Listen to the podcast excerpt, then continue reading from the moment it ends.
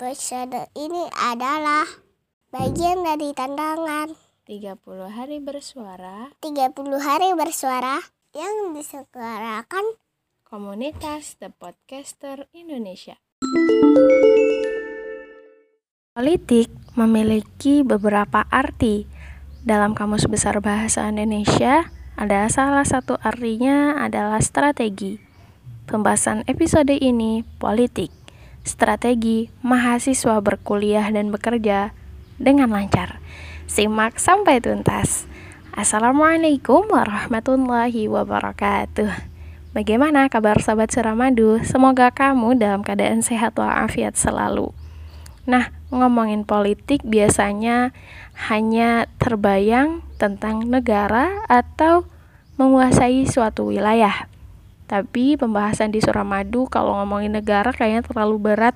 Nikmah tidak sanggup, biar Dilan saja. Eh, itu tapi kalau rindu ya. Ya, ini tentang politiknya atau strateginya mahasiswa biar bisa kuliah juga sambil kerja. Pertama, yang harus dilakukan strateginya adalah pilih pekerjaan yang fleksibel. Pemilihan kerja yang tempatnya fleksibel dapat membantu sobat suara madu yang menjadi mahasiswa lebih rileks dan teratur dalam jadwal kuliah supaya tidak terganggu. Sebisa mungkin carilah pekerjaan yang bisa disesuaikan dengan jam kuliahmu sobat.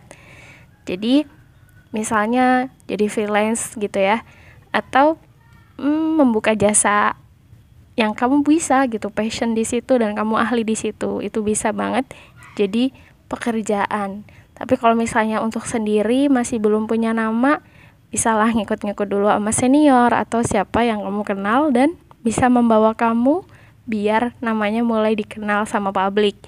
Terus, strategi yang kedua adalah diskusikan dengan perusahaan tempat kamu bekerja, sobat.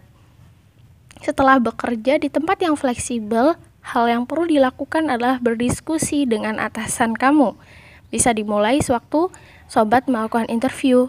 Beritahu bahwa benar tuh sobat pengen bekerja banget, tapi kerjanya sambil kuliah. Jadi kantor itu bakal ngerti sama keadaan kamu. Dengan cara ini, pekerjaan kantor dapat tetap dilaksanakan tanpa harus menghambat tugas dan jadwal kuliah.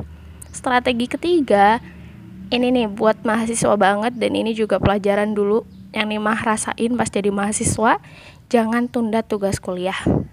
Tips ini jangan sampai dilupain karena dulu Nikmah tipenya memang bukan pekerja kantoran tapi ada jadwal ngajar gitu beberapa dan ada juga kan kuliah juga.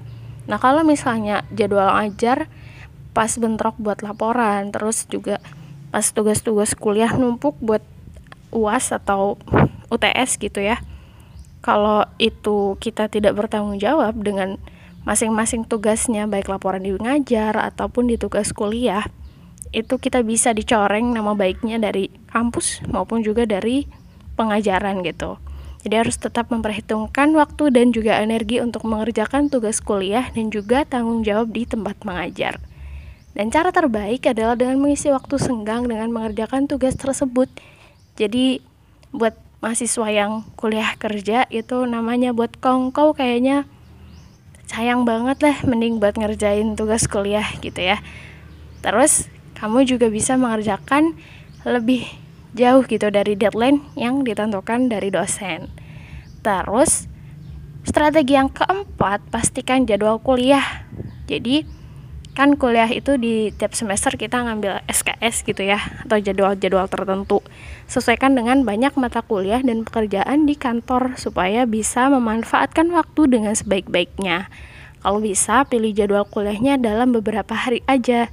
Jadi sisanya bisa digunakan untuk pergi ke kantor.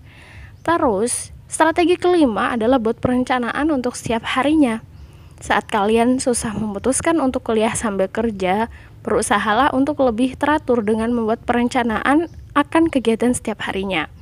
Memang terkesan sepele, tapi sebetulnya dengan rajin membuat rencana setiap harinya dapat menjadikan semua pekerjaan kuliah dan kantor bisa berjalan dengan lancar.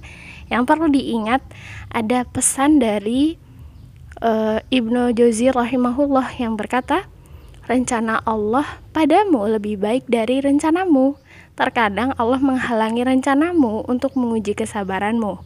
Maka perlihatkanlah kepada Allah kesabaran yang indah. Tak lama kamu akan melihat sesuatu yang menggembirakanmu. Selamat mencoba Sobat Suara Madu. Semoga lima strategi yang nikmah sampaikan bermanfaat. Dan sekali lagi mohon maaf lahir dan batin.